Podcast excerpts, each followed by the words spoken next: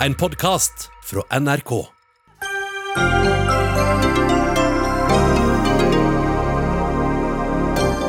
Norge har eh, fått sitt første smittetilfelle av koronaviruset. Nordmenn landet rundt sitter i karantene, og nå ber WHO Norge ta drastiske grep.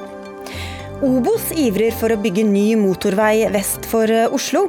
Helt vilt at Boligbyggelaget er blitt en bilpushende lobbyorganisasjon, mener forlegger og Obos-medlem Anders Heger.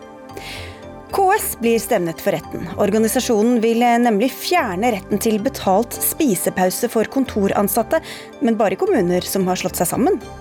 Og urimelig at staten skal tjene penger på menstruerende kvinner, mener Sosialistisk Ungdom. Ikke bruk mensen som en unnskyldning for å uthule, uthule momssystemet, svarer Unge Høyre.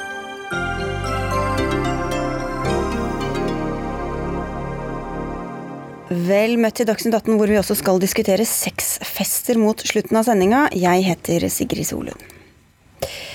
I går ble altså det første smittetilfellet av koronaviruset bekreftet i Norge. I tillegg til kvinnen som er, har påvist smittet i Tromsø, er personer i minst ti fylker i Norge pålagt å holde seg hjemme pga. mistanke om smitte.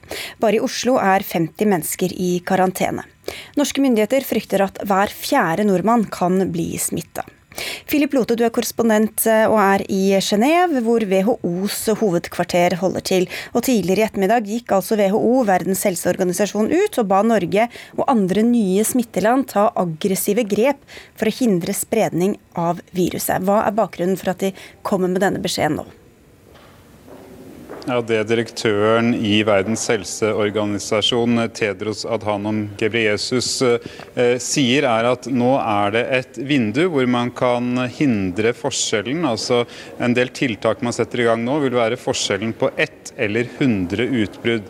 Så sier han samtidig at alle land nå må være forberedt på at de kan få en smittet. Og de landene som har fått smittede, altså Norge, må være forberedt på at det kan komme et cluster, altså en en, gruppe smittede, og at man kan eh, risikere smitte som er, skjer lokalt i samfunnet, og sånn at man fører en større spredning, slik som har skjedd i Italia. Derfor så ber han da Norge og en del andre land, seks andre land eh, pluss Danmark og Estland som ikke var med på listene i dag, eh, om å sette i gang drastiske tiltak. Og hva er disse tiltakene? Tiltakene er en lang lang liste, og vi rekker ikke å ta alle her. Men det eh, handler om å sørge for at eget helsevesen er i stand til å kontrollere et uh, utbrudd. Hindre av infeksjoner, spredning av smitte på sykehus. Sørge for at helsearbeidere, helsepersonell, eh, vet hvordan man skal beskytte seg selv, så ikke de blir smittet. Sørge for at man har nok eh, medisinsk utstyr, oksygen, ventilatorer. Eh, at man har opplyst folk riktig om hvordan de skal gå frem, hvor de skal henvende seg, hva de skal gjøre hvis de føler at de har smittet. Det gjelder å ha kontroll på grenseoverganger, flyplasser, vite hvordan man skal kunne ta ut personer og sjekke om de kan eh, være bærere av viruset. Og Beskjeden var ganske klar. Hvis din helseminister, hvis helsemyndighetene i eh, ditt land eh, ikke klarer å krysse av på ett av punktene på denne lange listen, så gir dette viruset en åpning, et gap, som kan gjøre, eh, føre til at man får en spredning. Så Det var beskjeden fra Verdens helseorganisasjon her eh, i Genéve i dag. Takk skal du ha, Philip Lote. Johan Torgersen, direktør for divisjon for kvalitet og forløp i Helsedirektoratet. Kan Norge krysse av for absolutt alle disse punktene på denne lista?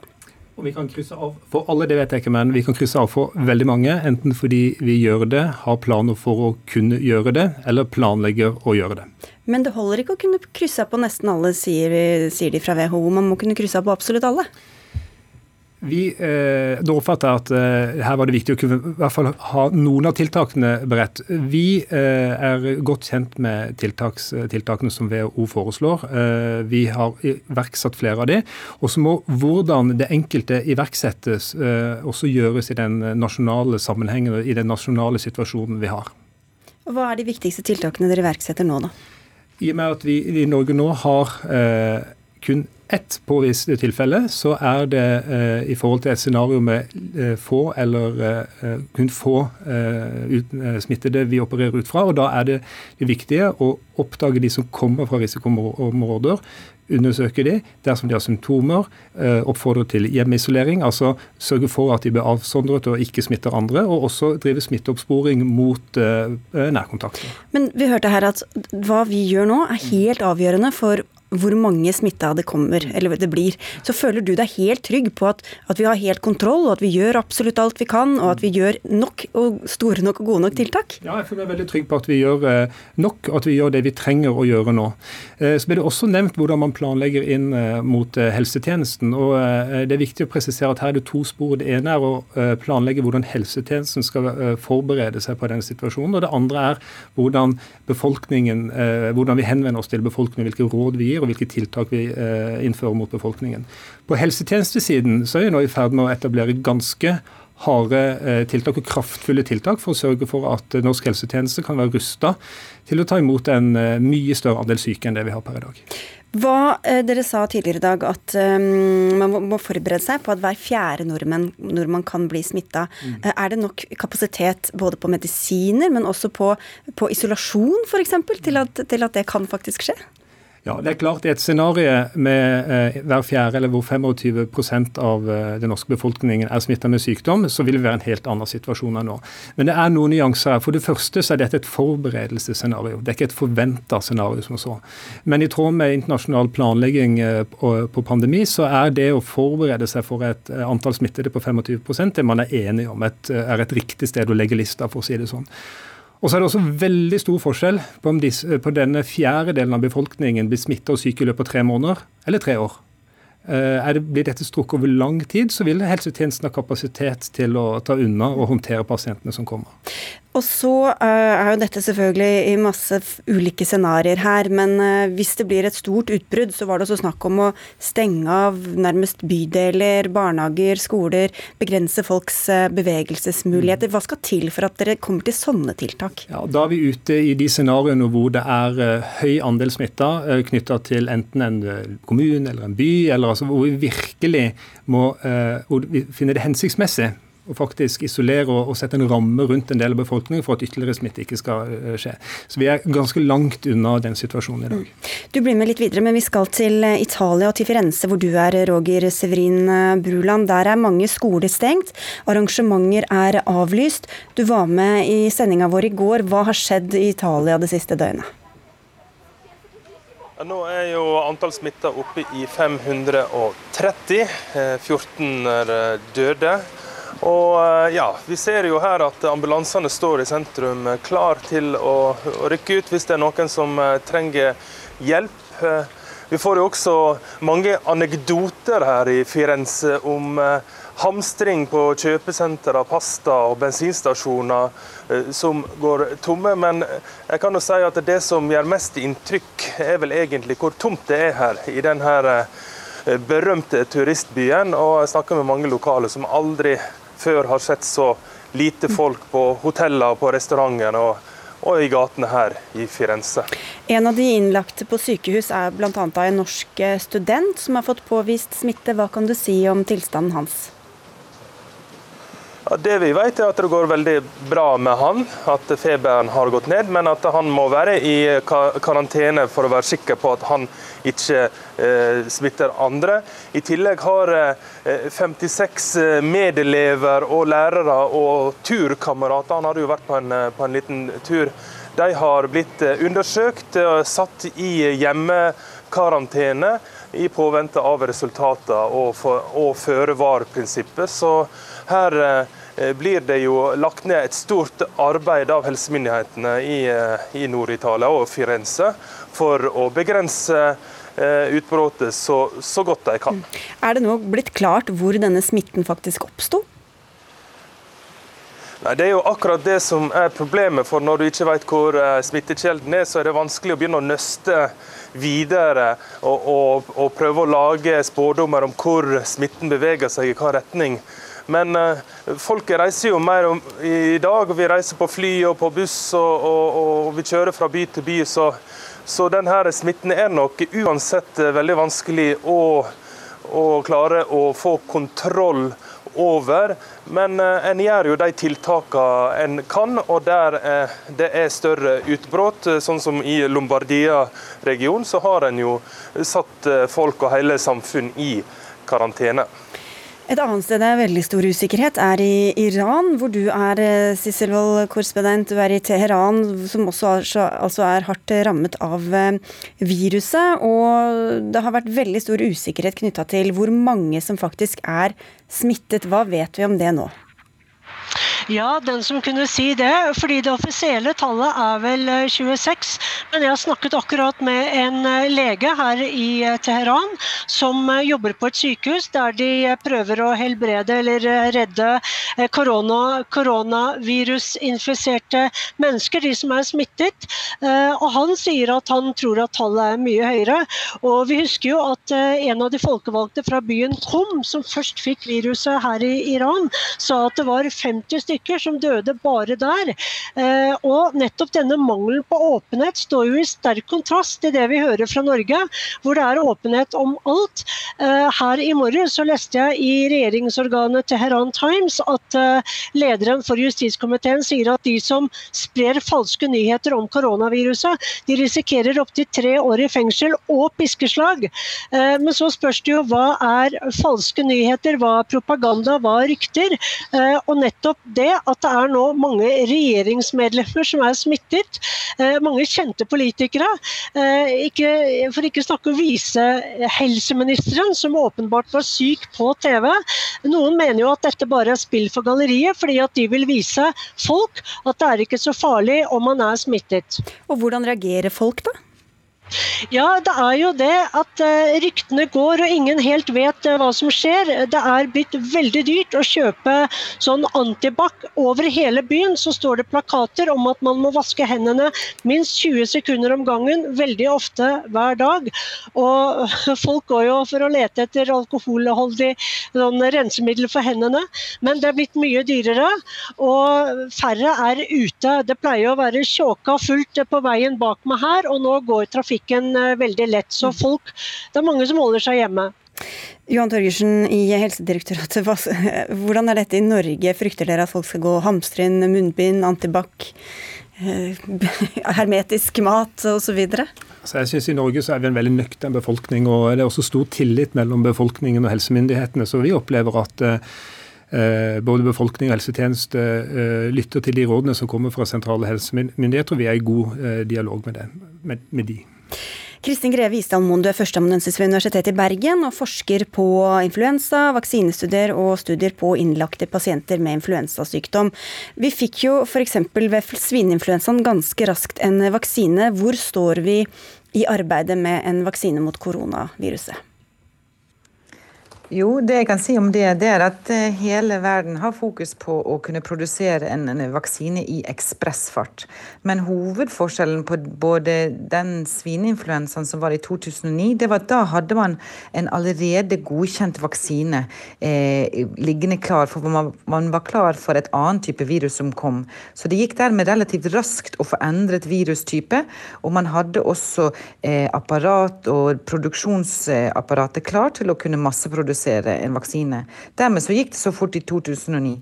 Men mot dette nye koronaviruset så har vi ingen godkjente vaksiner i dag. Så vi starta uh, på mye lenger bak, i, rent sånn i tidslinje. Men det som vi kan si, det er at fra etter SARS og MERS-utbruddene som har vært, så har vi lært veldig mye. Så vi har jo fått en del kunnskap omkring viruset. Og det er jo noe av det man trenger først for å kunne lage en ny vaksine. Eh, Torgersen, vet vi nå hvor dødelig dette viruset faktisk er?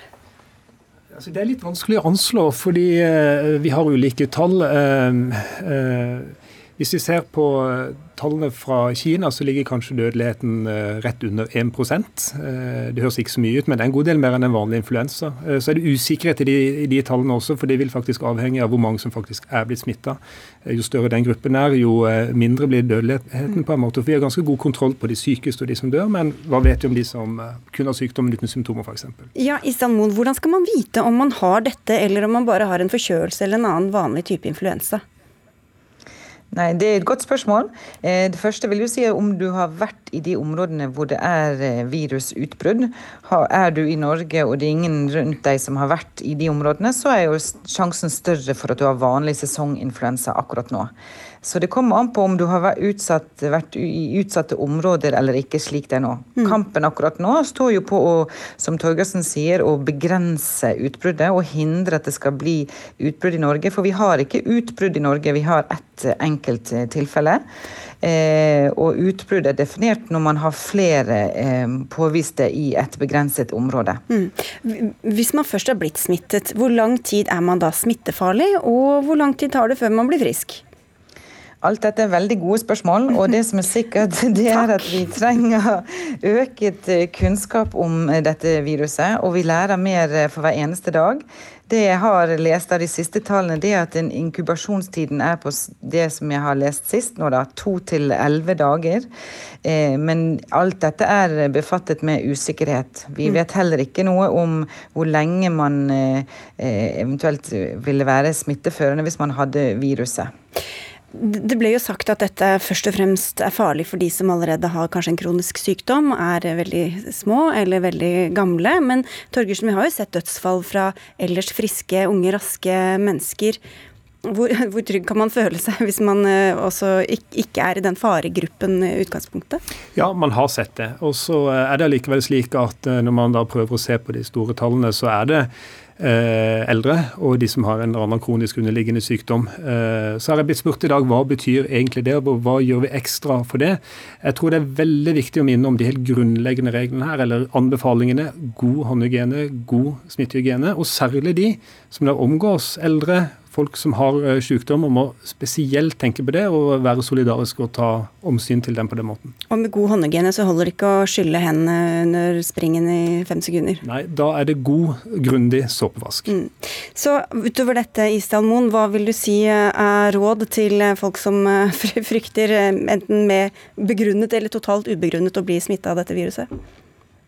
Nei, For det første vil jeg si at det er helt riktig som er blitt sagt at i Norge har vi heldigvis god tillit til både myndigheter, helsetjeneste og informasjon.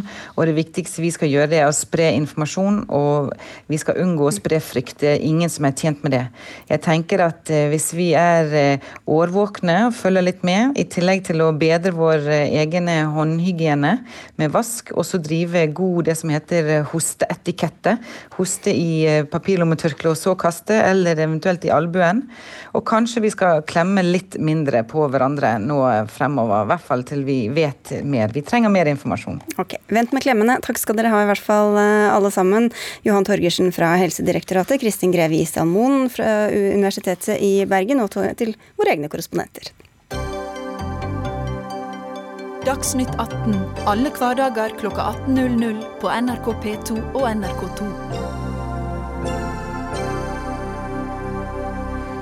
Diskusjonen om ny E18 vest for Oslo splitter og engasjerer, og vi har hatt utallige runder om temaet her i Dagsnytt 18. Nå har også boligbyggelaget Obos kasta seg inn i debatten og sier at det ikke blir noen ny Fornebubane uten en ny E18. Men er det deres rolle å mene noe om dette? Du reagerer i hvert fall på utspillet, Anders Heger, du er forlegger og Obos-medlem. Men hvorfor skal ikke Obos mene noe om dette? Det er fordi at um, jeg er jo Oslo-beboer og har et godt forhold til Obos. Jeg vokste opp med det. Jeg vokste opp som noe av det største i Oslo-historien. Uh, og jeg er ivrig medlem, har meldt inn barna mine og barnebarna mine. Så viser det seg at Obos går inn i den kanskje aller mest betente miljø- og samferdselssaken i nyere tid i Oslo. Det er en, det er en kjempesak. Folk er sikkert drita lei av å høre det utover landet, men, men er, den splitter regjeringen og byrådet, den splitter uh, Oslo fra omlandet. Og når Obos går så tungt inn på den ene siden, så gjør de at um, jeg føler plutselig at jeg er medlem av en lobbyorganisasjon for økt biltrafikk i Oslo. Ja, Du sier det plager deg at du, har, meg, at, du har, at du har meldt inn barnebarna dine i en bilpushende Lobbyorganisasjon, ja. Daniel Kjørberg Sirai, du er konsernsjef i Obos. Vi skal prøve å unngå hele E18-debatten her, ikke minst av hensyn som eh, Hege var inne på til alle andre mennesker, selv om dette angår jo veldig mange, da. Men, og alt er jo fortsatt helt i spill eh, i denne saken. Men hvorfor skal Obos støtte om den ene siden i en så betent sak? det handler ikke om å ta standpunkt til den ene sida. Um, Obo skal bygge 6000 boliger uh, på Fornebu de neste årene. Vi har 1000 boliger som står i reguleringskø, og som er helt avhengig av en adkomst på denne veien for å starte byggingen av. Uh, det er viktig for oss at E18-løsningen som er foreslått, faktisk er også bedre kollektivtrafikken inn og ut av Fornebu. Vi skal bygge boliger vest for Oslo, og vi skal bygge boliger i Oslo. Og dermed så syns jeg faktisk at det er helt naturlig at Obo, som skal bygge ut boliger som er helt avhengig av en vei for å bli realisert, faktisk mener noe i den saken, når det faktisk er det, det stoppunktet som PTS er nærmest oss. Ja. Det spørs hvor lenge vi klarer å holde oss unna sakens kjerne. men jeg kan prøve. Eh, men det er jo ikke bare den eventuelle av- og påkjøringen ut og inn til Fornebu og den lille veistumpen til dine boliger som vi snakker om her. Det er hele sakskomplekset, som er en megamotorvei langt ut i Asker, gjennom hele Bærum, som er så kjempekomplisert og veldig krevende, og du har gått inn og kjøpt dette med hud og hår. Det er fullt mulig for Obos å si vi må ta hensyn til våre boliger. Det er en liten snutt inn fra Skøyen og til men, men, det jo, men det er jo ikke det, for Obos bygger boliger i Røyken og skal bygge boliger i Drammen og lenger ute i Asker. og De er faktisk noen av de som faktisk som skal, Hele regionen er faktisk avhengig av løse løser okay, transport, transport, Fornebu, altså? Transportbehovet inn og ut av regionen sitt. Større byutviklingsperspektiv så må man faktisk løse. Og det, det er grunnen til at jeg velger, har valgt å engasjere meg i den diskusjonen. fordi i noen større samfunnsspørsmål så må man ta tak. Men, men, dere er jo en stor aktør som mange, lyttet, som mange, lytter til, fordi dere har så mange medlemmer. Og når dere har jo også diskutert dette på sosiale medier, og da presiserer du selv hvor mange. 473 000 medlemmer. Så hvordan kan du kjøre så hardt på en sak hvor du helt garantert har veldig mange av medlemmene mot deg? Men jeg har aldri brukt, og kommer heller aldri bruke medlemmene som tyngde for argumentasjon organisasjonen. Du har prøv... nevnt det da i sammenhengen. Ja, på spørsmål om hvor mange medlemmer Obos har, så har jeg svart på det spørsmålet. Men jeg bruker faktisk ikke det som et argument. fordi at i denne sammenhengen opptrer Obos som en bedrift og en aktør som blir invitert til å mene ting som dette. I Oslo-debatten så blir man invitert til å mene noe om fortetting. Senest i dag fikk en invitasjon fra KS om å mene noe om skal hele landet leve, eller er det bare byene skal vokse. Så det er ganske mange kontroversielle tema man blir invitert til å mene noe om, og som jeg syns er naturlig å mene noe om. Du fremstiller dette som om det skulle være en hvilken som helst liten sak. og det, På Twitter så sammenlignet du med at uh, vi må være for likestilling og mangfold, f.eks. Dette er jo ikke en sak av den typen i det hele tatt. Det er en ekstremt polariserende og komplisert, og også veldig følelsesladet sak, som angår store deler av dine medlemmer. Og du har rett i det. Det var jeg som spurte hvor mange medlemmer dere hadde, som du svarte på. Det var fordi du brukte ordet 'vi' hele tiden. Vi går inn for dette. Vi, Obos, er et vi som jeg er medlem av. Og du må det er grunn til å tro at du har flertallet av medlemmene dine ikke med deg i denne saken. Du snakker om at vi som egentlig er opptatt av en kommersiell utnyttelse av noe arealer på Fornebu. Eh, eller nå sier du plutselig at det gjelder ikke bare Fornebu, men så langt har du snakket om, om de Fornebu-boligene i hvert fall. Men det er faktisk slik at som en bedrift, Obod er en kooperativt eid bedrift, og da må man faktisk gå inn i noen saker innimellom som faktisk er kontroversielle, og som mennesker har sterke synspunkter på. Det er som fortettingsdebatten i Oslo, det. Eh, og i andre, i andre større byer. Jeg har vært deltatt i diskusjoner i Bergen også rundt fortettingsstrategier. Der er innimellom diskusjonen polarisert. og det Noen ganger så etterleser sånne som deg og andre at bedrifter engasjerer seg i samfunnsdebatten, også i ting som er kontroversielt. Og det kan man ikke la være å mene, selv om jeg har full respekt for at du mener noe annet enn meg. Du skal ha for det at øh, Obos er en organisasjon som egentlig har en politisk historie. Den er tett knyttet til spørsmål som ligger utenfor bare det å bygge og selge boliger. Den er knyttet til sosial boligbygging. Den er historisk sett knyttet til um, oppgradering av Groruddalen og bebyggelse av Groruddalen. Og har vært i den historien stått så langt unna det standpunktet du nå fronter, at det er nærmest rystende. Altså, du setter hele Obos' image og hele, hele den fordelen du har, som skiller dere fra en masse andre tilfeldige kommersielle utbyggere, den setter du i spill ved å gå tungt inn og støtte høyresiden og Bærum er- mot venstresiden. Men det er det jo ikke prinsippet du reagerer på, da? Da er det egentlig bare at de ikke er enig med deg? det, jeg skal gå så langt som å si at disse to tingene henger sammen, men det er helt klart at når han går inn i et så Unnskyld, når du går inn i et så tungt og viktig og vanskelig spørsmål, så bør dere være mye, mye mer forsiktige. Men jeg skal, jeg skal gi deg det at Obos, som alle andre, må ha en frihet til å mene noe. Det- Vi har jo ytringsfrihet i dette landet. Ja, Apropos ytringsfrihet, Sirai, så syns du det er litt pussig at denne kritikken kommer fra Heger? Ja, litt småpussig er det. fordi det blir litt sånn at det er ok at man deltar i diskusjoner så lenge eh, man er enig. Eh, det jeg la jo merke til en, en representant for Arbeiderpartiet. For et, et par uker siden så var jeg her og diskuterte sosial boligpolitikk. Da sto jeg på byrådet sin side. Men det var jo ingen fra høyresida som kritiserte meg for at jeg tok, til orde for at Raymond Johansens boligpolitikk var riktig, selv om det, de, sannsynligvis deler byen i midten. Mens, mens denne gangen så blir det, blir det ganske sterk kritikk fordi de ikke kiler i øret. Og, og det, sånn kan man jo ikke styre samfunnsdebatten, at man skal delta bare når, når det passer enkelte debattanter. Absolutt ikke. Men det du gjør her, er at du går langt utenfor ditt mandat og tar dine 472 000 medlemmer som gissel for et standpunkt ikke- som er ekstremt polariserende. Men jeg tror, ikke, jeg tror ikke mine medlemmer, eller medlemmene i Obos opplever at de er tatt som noe gissel. Jeg jeg har ikke mottatt det er vel flere enn Heger som har reagert? men, men jeg tror ikke de 473 000 eller medlemmene føler seg bundet av Obos sine standpunkt i denne saken. Nei, kunne, Eh, dere, kunne er dere valgt en litt mer forsonende linje da, og si at vi, er, vi vil veldig gjerne ha god kommunikasjon ut dit, men skal ikke legge oss opp i akkurat Nei, hvordan? men skal, skal du, være, du må fremkomme med tydelige standpunkt, og det er jo faktisk slik at sakens realitet her er jo at hvis ikke bolig, veien kommer, så blir det ikke bygd boliger, da blir det ikke noe Fornebu. Okay. Du har ikke meldt deg ut foreløpig, Heger? Nei, men jeg har lyst. Ok, Vi får se hvor lenge det holder. Takk skal dere ha, begge to. Anders Heger og Daniel Kjørberg Sirai.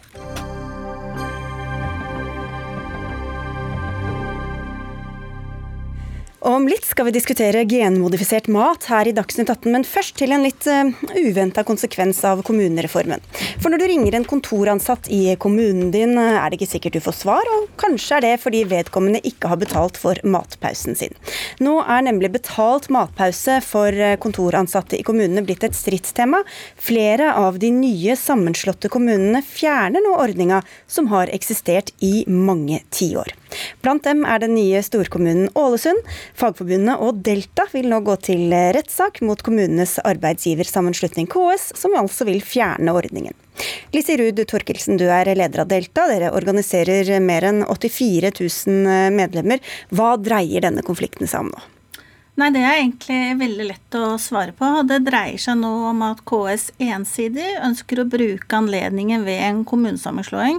Her har altså medlemmer og tillitsvalgte stått på maks for å kunne lykkes i nye over tid. Man kan bare tenke seg det arbeidet som er nedlagt, og så velger de nå ensidig å gå inn og si at vi skal gjøre endringer på tariffavtalen. Ja. Det er direkte brudd på hovedtariffavtalen og helt uakseptabelt for For, for før har altså kontoransatte i kommunene hatt betalt spisepause, som de nå vil fjerne. Ja, det har vært litt variabelt. Ja. Poenget, og vårt poeng, og det er ganske viktig å være tydelig på, er at de som har hatt en opparbeidet rettighet, de må beholde den, og ikke bruke rett som et virkemiddel eller en teknikk for å ta bort noe som faktisk er fremforhandla. Ja, Hvordan henger dette sammen, Tor Arne Gangsø? Du er områdedirektør i eh, KS. Hvorfor skal en kommunesammenslutning eh, føre til at folk mister opparbeida rettigheter? Eller avtalefesta ja. rettigheter, da. Og Da er det jo greit å gå tilbake igjen til hva som var utgangspunktet. Når Stortinget vedtok lov om kommunesammenslåing, så var man veldig tydelig på at da legger man bort og legger man ned de gamle kommunene, så skal det etableres en ny kommune. Det betyr jo at det oppstår en eh, ny juridisk enhet, det oppstår en ny arbeidsgiver. Og da har vi eh, vært veldig tydelige på at da er det normalarbeidstidsbestemmelsene som Delta og KS er enige om skal gjelde, nemlig at alle i kommunen jobber 37,5 timer. Og ja, Nei, men det er jo sånn at Vi er vant til både sammenslåinger, omstillinger og virksomhetsoverdragelser. Og vi har jo til enhver tid vært opptatt av at eh, man skal kunne ta med seg og ivareta de rettighetene har. Så dette mener jeg bare er en teknikk for å prøve å fjerne. Men hvis da noen i en kommune er blitt slått sammen med en annen kommune, hvor den, e, ene kommunen har hatt den ene ordningen og den andre kommunen har hatt den andre ordningen, skal det da sitte mennesker sammen hvor den ene har betalt spisepause og den andre ikke har det, da? Det kan bli konsekvensen hvis ikke da den kommunen ønsker å se på hvordan man skal likestille det. Og det er det også kommuner som har fått til, at man da altså har gjort at flere kunne ha betalt spisepause. Kunne... Dette må de løse lokalt. Det kommer de til å kunne klare. Ja, Man kunne jo gått motsatt vei og sagt at alle skulle få betalt spisepause, da. Ja, men det er jo ingen tvil om at eh, hovedtariffavtalen, som vi to er enige om, og som begge to har signert, slår fast at alle altså Normalarbeidstida i kommunal sektor er 37,5 timer. Så det er jo det vi legger til grunn. Det er etablert en ny juridisk enhet. Og så må vi huske på at dette er en ganske gammel sak. Er, altså vi, du snakker om at vi vil ta omkamp, men eh, KS har vært tydelig på dette budskapet helt tilbake til 1965. At i forbindelse med kommunesammenslåing så skal man forsøke å avvikle det som veldig mange har oppfatta som en urettferdig ordning, nemlig at ansatte på rådhuset skal ha bedre vilkår enn øvrige ansatte i kommunen. Ja, For vernepleier eller barnehageansatte har vel ikke betalt uh, lunsj. Hvorfor skal de kontoransatte ha det? Jeg tror dette er en rettighet som har vært opparbeidet og som ligger som en helhet i avtaleverket. Og det er jo ingen tvil om at i Kommune-Norge så er det stor forskjell på lokale avtaler også, så dette er kommunene vant til å leve med at det er ulike ordninger. Enten lønn eller spisepause eller hva det er. Det er ikke likhet ute hvis man tror det. Det er det ikke, for det er jo hvordan man har avtalt. Jeg syns bare det er litt sånn snevert, men så blir det litt sånn teknisk òg. Men det er altså en egen paragraf som sier noe om kontoransatte og spisepause. Og i 2018, jeg er enig i at den er vært gjennom veldig mange år, i 2018 var vi enige om at vi skulle se på at man lokalt kunne finne andre løsninger. Så her syns jeg Delta har vært på banen og prøvd å finne løsninger. Mm. Senest i 2018. Og, og så det blir vist til den bestemmelsen som vi fikk inn i siste avtaleverk om at uh, man skulle kunne se på denne ordninga, så var man enige om en formulering om at kommunen kunne kjøpe bort den gamle ordninger som var etablert på 50-60-tallet. Det er jo det som ligger i avtaleverket. Så like at Vi har jo på mange måter alle sammen vært opptatt av å understreke at normal arbeidstid i kommunal sektor er 37,5 timer, og at det skal være rettferdighet. At folk som jobber på samme arbeidsplass, skal ha samme lønns- og arbeidsvilkår. Det er et standpunkt du har inntatt i nesten alle andre sammenhenger. Må være enig om at det er ikke sånn at det er lik lønn og like arbeidsvilkår for alle ute, fordi man forhandler også lokalt. Så det finnes store variasjoner i det. Og det vi har sagt, er at eh, vi kan være med å se på det. Hvis man lokalt finner gode løsninger, så skal vi være med på å se på det. Men at kommunen ensidig går inn og gjør det, det gjør noe med et partssamarbeid. Det gjør noe med trepartssamarbeidet, og det gjør noe med tilliten til hele systemet. Hva skal de få, de som mister den betalte lunsjpausen, da? Altså, understreke at Når man da går fra en arbeidsgiver til en ny arbeidsgiver, så er det naturlig at man tar i bruk de arbeidstidsbestemmelsene som gjelder i en, et avtaleverk, og som jeg bare slår fast at en normal arbeidstid i kommunal sektor er 37,5 timer. Eh, og jeg har vanskelig for å forstå at eh, Delta kan forsvare at en ansatt i barnehagen, en assistent i barnehagen, skal ha dårligere arbeidsvilkår enn en som jobber Men han, på rådhuset. Handler ikke det om hva man prioriterer i de forskjellige lønnsoppgjørene, da? Jo, jeg er heller ikke kjent med at Delta har vært opptatt av at det skal være fri adgang til å forhandle seg fram til ulike typer arbeidstidsavtaler i alle norske kommuner. Nei, men Poenget er at du sier at det skal være en likhet, og det fins ulike avtaler med alle de ulike forbundene, og at de er like verken på lønn eller i tillegg, det er det jo faktisk ikke. Eh, og det er på en måte en situasjon vi er kjent med og, og lever med, og så prøver man selvfølgelig å tilstrebe seg i mange sammenhenger at det skal være likhet. Vi må komme tilbake til kjernen. Det vi snakker om nå, er å ta bort opparbeidede rettigheter. Og det er en uting, og det ønsker KS å gjøre ensidig uten å er enig med oss. Mm. Eh, nå sier eh, f.eks. kontoransatte i Ålesund at de da ikke vil ta telefonen når de har lunsj, ettersom de da åpenbart eh, ikke er på jobb.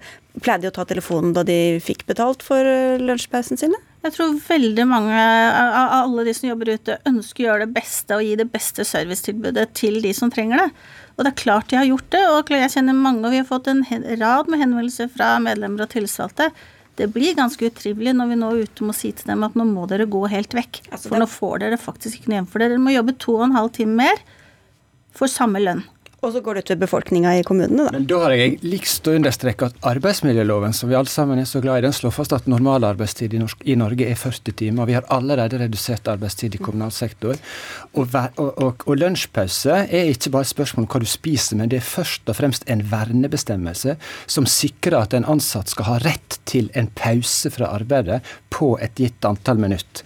Og Derfor er det jo viktig at ikke vi nå stimulerer til at alle ansatte skal måtte jobbe også i denne pausen, som handler om at man skal ha rett til vern fra sitt eget arbeid. Så nå skal dere prøve dette rettslig. Hvorfor går dere den veien?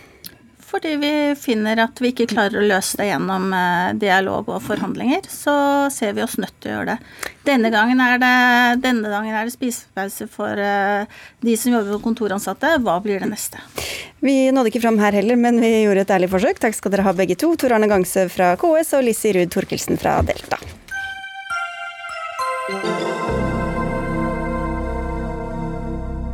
Vi tar med en hastemelding fra Helsedirektoratet som ber folk om å ikke ringe nødromnummeret 113 hvis de har spørsmål om koronaviruset. De blir så nedringt nå om dette, sånn at folk med akutte og livstruende sykdommer ikke kommer gjennom på telefon. Folk bør heller ringe legevakten 116 eller 117, opplyser Helsedirektoratet. Men nå skal vi til noe helt annet. Canada har gjort det, England og Tyskland og India også, og staten New York i USA. De har fjernet eller redusert momsen på tamponger og bind. Skottland kan bli det første landet i verden til å tilby gratis sanitetsprodukter til kvinner, og nå bør Norge følge etter og kutte momsen, mener dere Maria Bonita Igland. Du er altså feministisk leder for Sosialistisk Ungdom, og hvorfor er dette så viktig? Vi mener at det er kjempeviktig, fordi at i dag så bruker kvinner og jenter tusenvis av kroner årlig på noe som er så naturlig som mensen. Eh, og Det gjør også at dette her er et kjønnsproblem. Vi ser at halvparten av eh, befolkningen bruker uendelig mye penger på noe av det mest naturlige som skjer med kroppen vår. Eh, og bind og tamponger er nødvendig, fordi at mensen skjer uavhengig av om du har råd til å betale for det eller ikke. At du sier at det skal ikke være opp til menstruerende kvinner å sørge for at velferdsstaten går rundt, men det er det vel strengt tatt ikke når alle går jo rundt og betaler moms for absolutt alt omtrent. Altså Den kommentaren var jo mer spesifikt rettet til eh, finansministeren, som sa at, eh, det, at momsavgiften på, mens, og, eh, på bind og tamponger er viktig fordi at det gjør at velferdsstaten går rundt. Eh, og her mener jeg at det handler om politiske prioriteringer, og da mener jeg at vi skal omprioritere der. Mm. Mille Christensen, du er fylkesleder i Hordaland eh, Unge Høyre, og du vil beholde moms, eh, full moms på bind og tamponger, som altså i dag er på 25% mens f.eks. mat har en moms på 15 15 Men hvorfor er det riktig at staten skal tjene så mye penger da, på at kvinner har menstruasjon? Ja, nå er det jo sånn at De aller aller fleste varer og tjenester i dag de har moms, og da er det 25% moms som er det vanligste. og Det gjelder jo også f.eks. medisiner og legemidler og sånne ting, men også ganske snille produkter som f.eks. hjertestarter. Og Da er det vanskelig å forsvare et, eh, et momsfritak på akkurat bind og tamponger.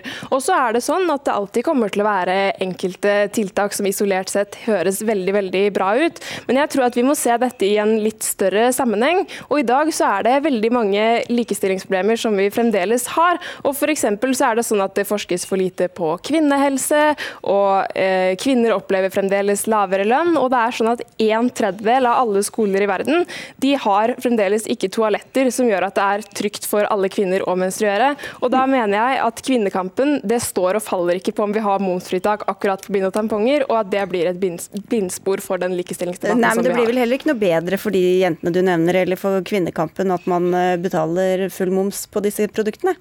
Nei, og det stemmer jo for all del, men vi har det tross alt veldig bra i Norge i dag. Og det er jo sånn at Vi har gratis skole, vi har et veldig godt offentlig helsevesen. og Da mener jeg at når vi betaler moms på alt mulig annet, så bør vi også gjøre det på bind og tamponger. Og Hvorfor er det mer diskriminerende Igland, at eh, kvinner må betale moms på tamponger, enn at menn f.eks. må betale moms på barberblader? Fordi at eh, barberblader er ikke nødvendigvis noe du trenger, men det har også sine veldig upraktiske eh, konsekvenser dersom kvinner ikke bruker tampong. Hvis man ikke vil ha full helskjegg, så må man jo nødvendigvis ha barbersaker, da. Eh, ja, men altså, mensen skjer uansett uh, om du har råd til å betale for det eller ikke. Og så tenker jeg på en måte det at altså, Man bruker jo sanitetsprodukter i mye større grad enn man f.eks. har behov for å kjøpe en hjertestarter. Så jeg syns ikke egentlig at det er et legitimt argument for Unge Høyre å, si, å sammenligne på en måte det, for man bruker faktisk langt mye mer penger på uh, bind og tamponger enn det man bruker på en hjertestarter gjennomsnittlig i løpet av livet. Men hva med legemidler, da? Det er jo også full moms på. Bør det også kuttes? Det tenker jeg man kan diskutere. Men det på en måte som Sosialistisk Ungdom har gått inn for eh, foreløpig, er jo i hvert fall å snakke om dette med eh, sanitetsprodukter. For da vet man at det er noe som gjelder halvparten av befolkningen, og som koster enormt mye penger. Ja, Det gjelder jo faktisk det, Christensen. Altså, hvorfor ha moms på et produkt som halvparten av befolkninga er helt fullstendig fysisk avhengig av? Ja, men staten penger, tjener jo ikke bare penger på dette. Staten tjener penger på at vi spiser mat, de tjener penger på at vi kjøper medisiner, og de tjener jo penger på at vi jobber. Det her er jo sånn velferdsstaten vår funker. Og det betyr jo også at dersom vi fjerner de inntektene som vi får fra denne type moms, så kommer det til å gå utover noe, fordi vi må redusere utgiftene våre et annet sted. Og da vil jeg heller at vi betaler denne momsen, sånn at vi kan bruke det på f.eks. noe jeg tror vi er enige om, da. At vi må forske mer på kvinnehelse eller sånne type ting. Ja, for det er jo øh, altså sånn cirka gjennomsnittlig så bruk, vil et momskutt utgjøre kanskje 6000 kroner for en kvinne i løpet av et helt liv, Igland. Men har dere regnet ut for hva det koster for hele samfunnet med dette tiltaket? Altså, Politikk handler jo om prioriteringer, og det gjør også driften av velferdsstaten. Jeg syns det blir litt dumt å si at altså, Men dere har ikke regnet på det for å svare på mitt spørsmål? Uh, nei, ikke nøyaktig. Uh, men det må, det, helt tatt, sånn cirka, det må jo også ses i tråd med den andre politikken uh, vi har. Uh, også det vi har gått inn for, er jo på en måte mest å snakke om sanitetsprodukter som skal være gratis for unge jenter. Eh, og starte med det, for vi vet at unge jenter er i en helt annen økonomisk situasjon enn det voksne kvinner er i. Bare Christensen, til dette. Du nevner at det er jo veldig mange som betaler, eller mange produkter som har eh, moms. ikke sant? 25% på tamponger og bind, legemidler, reseptbelagte eller ikke osv. Men bare 15% på uh, vitaminer du kjøper på butikken, eller på tyggegummi eller annet, annet du kan tygge på, som er, som er bare for 15% Hvor er logikken der? Nei, kan, Det kan godt hende at det må være justeringer man kan se på. Om det skal være billigere å kjøpe cola, eller om momsen skal være mindre på f.eks. cola enn på vin og tamponger. Det kan godt hende at vi, at vi, skal se på. Men å fjerne momsen er uansett ingen garanti for at produktene, disse produktene kommer til å holde seg veldig billige. Og Vi må uansett snakke mer om mensen, både gutter og jenter. Men jeg tror bare ikke at eh, om en pakke bind koster 35 eller 28 kroner, så er ikke det det største problemet som vi kvinner står overfor i dag. Altså, jeg tenker jo Det er jo mulig å ha flere tanker i hodet enn bare ett. Og så syns jeg det er litt provoserende når eh, Unge Høyre her driver og snakker om at kvinner tjener ulikt enn menn, fordi de gjør jo ingenting med de andre likestillingsproblemene som kvinner eh, møter på. Så jeg tenker at eh, vi kan helt klart snakke om at vi skal ha eh, momsfritak på bind og tamponger, og snakke om de andre eh, likestillingssakene som er viktige for kvinner. Men samtidig så har det, det har vært et mål å gjøre reglene enklere og færre masse forskjellige sånne særregler. Hva skjer med byråkratiet hvis det skal være 100 forskjellige kategorier for moms? Moms, eh, og hva som skal ha fritak og ikke?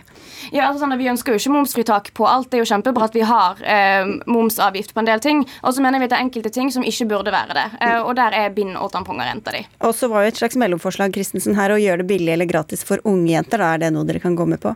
Ja, Det er i hvert fall et mer realistisk forslag å gå med på. Da fikk vi en start eh, på et samtale mellom dere. Takk skal dere ha begge to. Maria Bonita Igland fra Sosialistisk Ungdom og Mille Christensen fra Unge Høyre. Hør Dagsnytt 18 når du vil. Radio NRK Radio.nrk.no.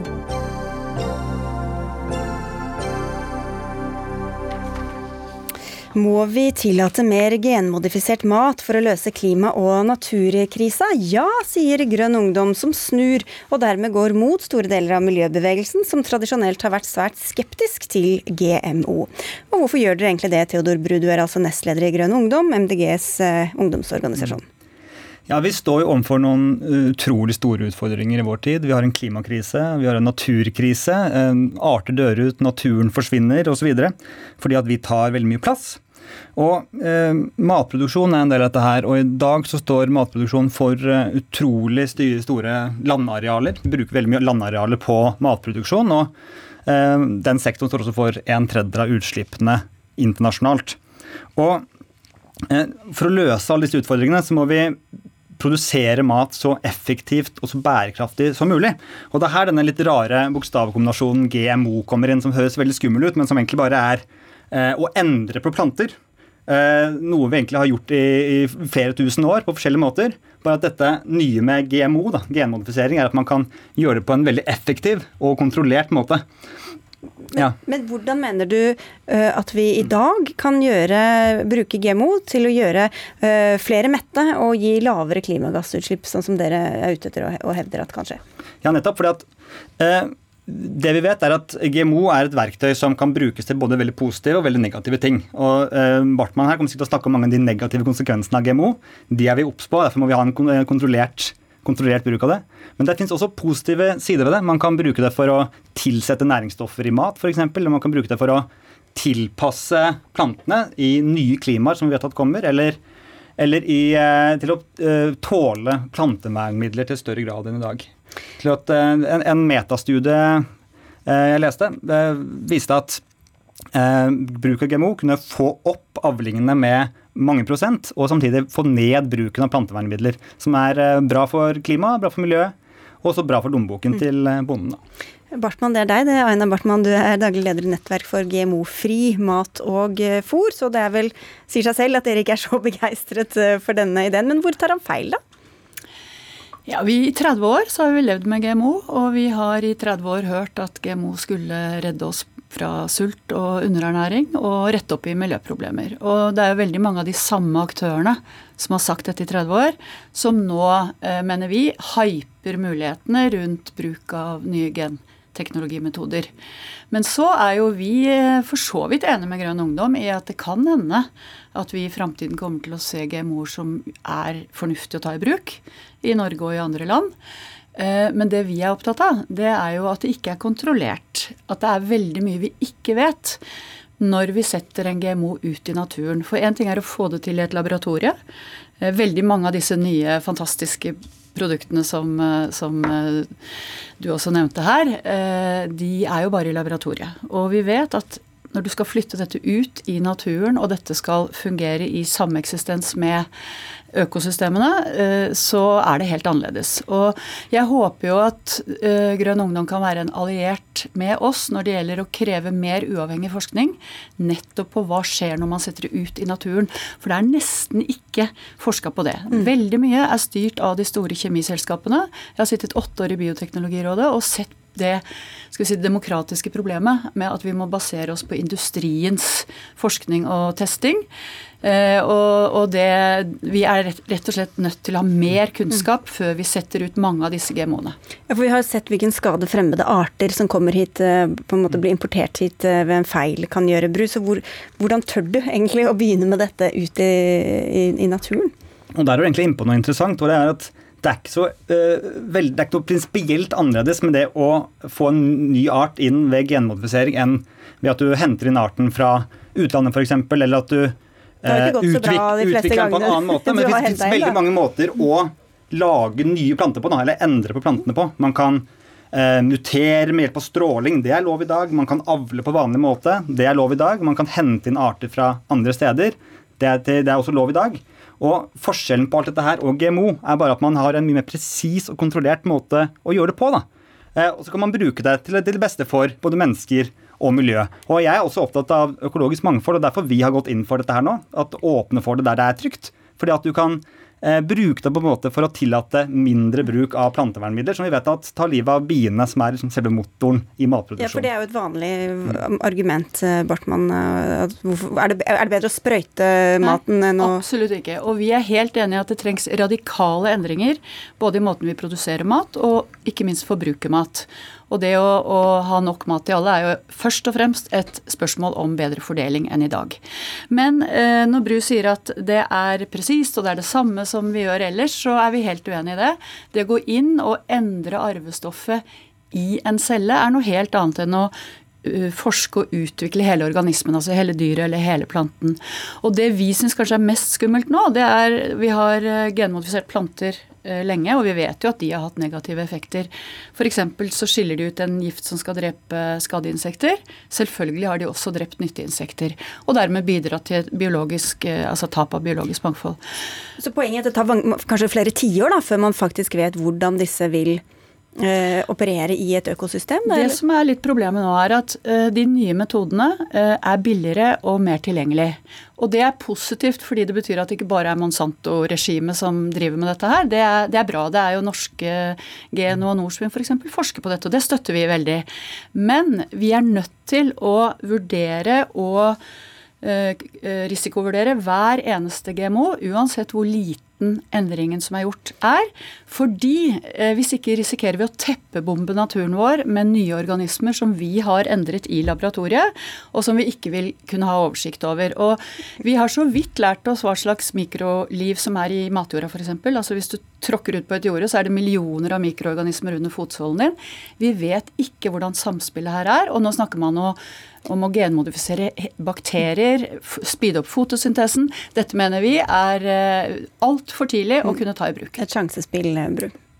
Ja, og, og det, Vi er helt enig i det at uh, vi må ha et veldig strengt regime på det her. Og sjekke hver enkelt GMO opp. Forske på hver enkelt GMO. Er denne trygg? Vil denne ødelegge naturen? Og, men, men, det som er problemet nå, er at nå har vi et regelverk som i praksis er et totalforbud. Og vi vil eh, ta et skritt nærmere, nærme oss det som er EU-lovgivningen eh, e på det nå, med å tillate litt mer der vi vet at det er trygt, og der det kan bidra til å hjelpe problemer som ernæring, eh, klima, natur, bruk av mindre sprøytemidler osv. Fordi at GMO er vi må, vi må, slutte å se på det som noe negativt i seg selv. GMO er et verktøy som kan brukes positivt og brukes negativt. Akkurat som en kniv. En kniv kan brukes veldig positivt og veldig negativt, men det har vært dumt å å forby det bare fordi at man kan drepe noe med det, f.eks. Grunnen til at vi ikke har godkjent GMO-er i Norge i det hele tatt i matproduksjon, det er jo ikke fordi loven har vært for streng, men fordi de produktene er det ingen som har villet ta. Og der er jo vi helt på linje med både storting og regjeringer. Fordi det har vært mer gift ut i naturen. Vi trenger en matproduksjon som eh, bruker mindre gift, og som spiller mer på lag med naturen, og ikke den andre veien. Så selv om det blir områder som, hvor matproduksjon blir mye vanskeligere pga. klimaendringene også, så, så, må vi holde igjen på, på GMO? Vi støtter forskning på det. Og selvfølgelig en tørråteresistent potet, som kan bety mindre sprøyting. Det er vi positive til, og det er norske bønder, vil jeg tro, særlig potetprodusenter positive til. Men vi må bygge opp kunnskapen, og det er der jeg håper at eh, vi kan spille på lag med Grønn ungdom. Så får vi se om dere får med dere resten av miljørørsla, Theodor Bru. Takk skal du ha for at du kom, og takk til deg, Aina Bartmann fra Nettverk for GMO-fri mat og fôr.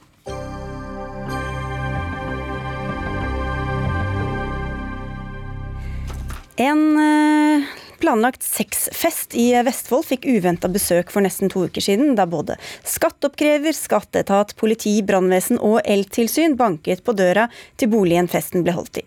Ifølge Dagbladet var det rundt 28 personer til stede, og i den samme avisa kunne vi lese at eh, stedet, i stedet for denne kontrollvirksomheten så burde vi heie på sexfester, skrev du Camilla Bjørnbakken Langen. Du er nestleder i De grønne glitrende, som altså er Miljøpartiet De Grønnes skeive nettverk. Men hvorfor skal vi heie på sånne sexfester i utgangspunktet? Utgangspunktet? Fordi at sexfester er jo trygge rammer hvor man kan utforske seksualiteten sin. Og eh, såkalte gangbang-kvelder er jo litt utenom det normale. Så da er det veldig veldig fint at det finnes steder hvor de av oss som har de preferansene, kan gjøre det. Men hvorfor er det en motsetning mellom det og det å sjekke at alt foregår eh, og er på stell eh, de stedene hvor dette da holdes? Jeg tenker det at Når du har sex, så er du jo i en veldig sårbar situasjon. Og det at det da kommer masse politifolk og folk fra andre etater inn, det er jo ikke det du ønsker deg. Og Jeg snakka også med en som drev sexfester eh, i Oslo, som eide eh, VIP-klubb i Oslo. Og han sa det at han syntes dette var Det hadde også skjedd eh, på hans sexfester, og syntes dette var ekstremt ukomfortabelt. At det kom 15 stykker fra forskjellige etater som endevelte alt, folk ble redde. Han følte at de prøvde virkelig å finne noe galt for å stoppe denne virksomheten. Da. Og, han, mm. og han følte det at de er ikke velkomne av politiet, og at politiet prøver å stoppe det her. Jeg nevner at vi har vært i kontakt med skatteoppkreveren i Tønsberg kommune som initierte denne aksjonen, og de sier at de var ute på en helt ordinær kontroll av en virksomhet for å sjekke om det var ansatte i denne virksomheten, og om det var rapportert inn lønn for ansatte osv. osv. Men hvis vi holder oss på et litt mer overordnet eh, nivå, Guri Itzøviken, du er politisk rådgiver i Frivillighet Norge, men du uttaler deg som privatperson her, og du er kritisk til De grønne glitrenes eh, lovprising av sexfester. Hvorfor det? Ja, nei, jeg syns det er fint at folk kan utforske seksualiteten sin i frie rammer. Det syns jeg er topp. Men eh, jeg, og jeg skjønner at det er ubehagelig med sånne kontroller når man har lagt til rette for å ha en hyggelig kveld. Men det er liksom snakk om å få kvelden sin ødelagt, da. Eh, og det finnes litt for mange som eh, er offer for eh, menneskehandel eller ufrivillig seksuell tilnærming på annet vis, som ikke bare får kveldene sine ødelagt, men som får livet sitt ødelagt. Og Hvis man er opptatt av fri seksualitet, så bør man jo være opptatt av å sikre at den seksualiteten som utformes, er fri for alle. Ja, med Langen. Liksom, ja, altså, selvfølgelig, menneskehandel er helt forferdelig, og det syns jo vi i De grønne glitrende også. Men dette var en sexklubb som hadde skrevet om dette arrangementet offentlig, så alle kunne søke det opp på internett. De skrev at det er damene som bestemmer. De skrev at nei er nei. Eh, og det er ingenting i den beskrivelsen av arrangementet, bortsett fra at dette er en spesiell seksuell preferanse, som kan gjøre at politiet reagerer på det. Viken.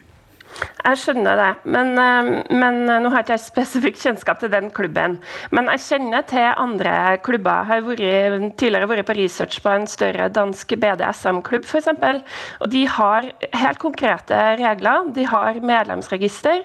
De har oversikt over at folk har sagt at det som foregår der, er, er, er bra. Og de har tett samarbeid med politiet. Det er jo fordi at de vet at de er sårbare for at folk blir utnytta. Og derfor så er, de jo, er, det jo også i deres interesse å skape, eh, ikke minst for å skape trygge rammer for seg sjøl, at, eh, at, de eh, åpner for kontroll. Det må kontrolleres mer når det er, når det er større risiko. Ja, for Hvis det var overgrep og sexhandel, så ville de vel ikke akkurat annonsert med det i avisa uansett? Nei, men jeg tror det at menneskehandlere sitter og ler av politiet hvis de tror det at eh, når de driver med menneskehandel, så, de, så annonserer de det offentlig. Det tror jeg ikke man ville gjort hvis man driver med menneskehandel. Og så er det også eh, forskjell på måten man gjør det. Sånn som han jeg snakket med, da, som drev sexklubb i Oslo. Han sa at det kom fire-fem etater inn med 15 mennesker, endevel til alt, og folk som var på den sexfesten, ble redde. Vi er ikke nødvendigvis imot at politiet skal komme inn og kontrollere. Men det er litt måten det blir gjort på. Man kan sende én eller to personer for å se om ting går greit for seg. Mm. Eh, og, og opptre varsomt når man gjør det. Men det er jo sånn at Norge er forplikta gjennom Europarådet sin konvensjon om tiltak mot menneskehandel til å gjøre omfattende tiltak. Og Derfor så har regjeringa en handlingsplan hvor eh, politiet sin muligheter til å drive omfattende kontroll er veldig spesifikt framheva. Nettopp fordi det er liksom kompliserte saker å etterforske. Så det jeg lurer litt på, er om MDG er mot den handlingsplanen? Uh, MDG er veldig for at mennesker skal få eh, uttrykke seksualiteten sin og få en best mulig livskvalitet uten at vi, uh, uten at vi ødelegger kloden. Men det leserinnlegget som jeg har skrevet det ja, måtte inn, liksom. Det måtte inn. men leserinnlegget, det er det vi De grønne glitrende som står bak. Okay, så dere snakker ikke på vegne av MDG? Nei. Nei. Vi, vi, uttrykker vår skeptisk til den måten politiet men, men hvis det skal, Du sier, du sier på den ene siden at det ikke skal være Jeg skal bare spørre, stille spørsmål, at det, skal, det er greit med kontroll, men det er måten det skjer hvordan skal politiet gå fram? da? Skal de ringe på forhånd, eller skal de kikke inn av vinduet? Eller hvordan skal de liksom gjøre dette på en måte som ikke forstyrrer eller skaper Jeg tenker jo det sånn som han som jeg snakka med som eide Klubb Oslo i Oslo sa, da, at de kommer inn 15 stykker og endevender eh, hele stedet. Det må mm. være mer varsomme måter hvor man kan eh, gå inn og gjøre dette her. Ja, det er jeg helt enig i. Ja. Og jeg skjønner at det er et vanskelig konsept. Men uh, nå, jo, nå, er det jo Dagbladet som har snakka med de som ble kontrollert i Vestfold. Og, i, og til Dagbladet så ser jo flere av de at det gikk helt greit, og at politiet oppførte seg veldig fint. Men tror du at folk vil tørre å gå på sexfest, da, hvis det er fare for at politi og brannvesen og skatteetaten og hvem vet kan dukke opp når som helst? Nei da, jeg skjønner at det, er, at det er skummelt. Og um, jeg skulle, vil jo at de skal føle seg trygge der. Men jeg tror at i organ, så lenge det skjer i organiserte former, da, så kan man finne noen uh, ordninger, sånn som f.eks. den BDS-klubben i Danmark, hvor man har uh, et, en oversikt over hvem som er der, og, og kan svare politiet ganske kjapt hvis de kommer innom. da. Og der er jeg ikke nødvendigvis uenig heller. Altså, Vi er ikke uenig i at uh, sexklubber skal ha en viss uh, overvåkning, men det er måten det blir gjort på som vi reagerer på. Og så tenker jeg at du er kanskje enig med meg om at de politiet og skatteetaten burde svare på hva som egentlig var grunnen her, for de sier jo forskjellige ting. Ok, da, Det får vi ikke gjort nå, men takk skal dere ha begge to. Camilla Bjørnbakken Langen fra De grønne glitrende, og til deg, Guri Itzeviken. Vi kom i skade for å si noe feil i stad da vi ba folk om å ikke ringe 113 hvis de har spørsmål om koronaviruset. Det riktige nummeret å ringe hvis du har spørsmål eller er engstelig, er 116 117. Altså 116 117 i ett og samme telefonnummer. Dagsnytt 18 er over for denne gang. Det var Anne Katrine Førli som hadde ansvaret for innholdet i sendinga. Eli Kyrkjebø hadde det tekniske ansvaret. Jeg heter Sigrid Solund, og i morgen er Espen Aas tilbake i sendinga.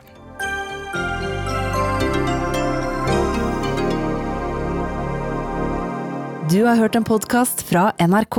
Hør flere podkaster og din NRK-kanal i appen NRK Radio.